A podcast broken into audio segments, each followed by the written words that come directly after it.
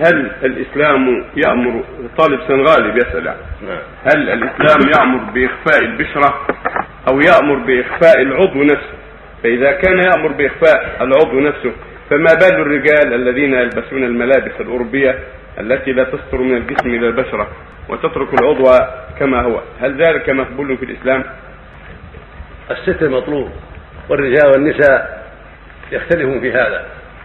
فالمرأة عورة كلها وأمرها خطير. قد سمعت أيها السائل قول النبي صلى الله عليه وسلم ما تركت بعد فتنة. ما تركت بعد فتنة. قول النبي صلى الله عليه وسلم ما تركت بعد فتنة. أضر على الرجال من النساء. فالواجب على النساء من التستر والعناية وعدم إظهار حجم الأعضاء بالملابس الضيقة أو الملابس الرقيقة. الواجب عليهن أمر أمر كبير وواضح المعنى وخطر تفريطها في ذلك واضح كبير. فستر الأعضاء واجب عن عن غير المحارم. أما المحارم فقد سمعت في الندوة ما سمعت وأن المحرم يباح له النظر إلى ما ظهر منها غالبا من وجه وكفين وقدمين ونحو ذلك كالقرط والحلق ونحو ذلك. وأما الرجل فأمره أوسع. إذا ستر ما بين السرة والركبة بستر صفيق متين يستر ما بين السرة والركبة فهذا كافي.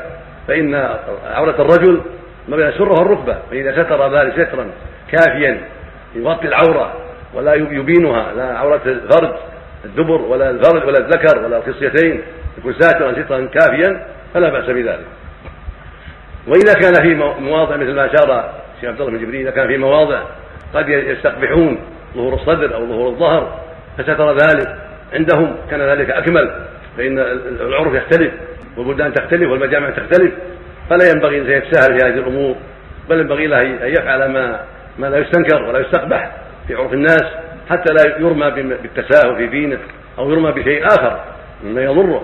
كذلك إذا كان صاحب بدن جميلا وشابا خطيرا فإنه ينبغي الستر الستر كامل. فإن بعض الناس قد يعشق المردان أعظم ما يعشق النساء. فينبغي في مثال الحذر فلا يقال في حق الأمرد أنه يبدي صدره ويبدي أكتافه ويبدي سيقانه فإن قد يضر الناس بهذا. وقد يفتن الناس بهذا وقد يبتلى هو فينبغي له في مثل هذا أن يتستر وأن يلبس القمص الساتره وأن يحذر من من البلاء من بلاء الجمال وبلاء فتن وبلاء فتنة الناس في بعض المردان. فهذا شيء خطير. وأقل شيء في حق الشاب أقل شيء أن يستر ما بين الركبة واستر سترا كافيا صفيقا عظيما لعله ينجو. وإذا طال الستر حتى ستر أغلب الساق فهو خير. وإذا ستر صدره وظهره بالفريدة الجيده ساترة فهو أكمل وأكمل. وهكذا ما يقع في لعب الكرة ينبغي في التستر غاية التستر. وأن تكون الفخذ مستورة سترا كاملا فإنها عورة. وإذا ستر مع ذلك الساق وستر مع ذلك ما فوق السرة من بالدليل كان أكمل وأسلم في حقه وأسلم في حق غيره أيضا. رزق الله جميع العافية.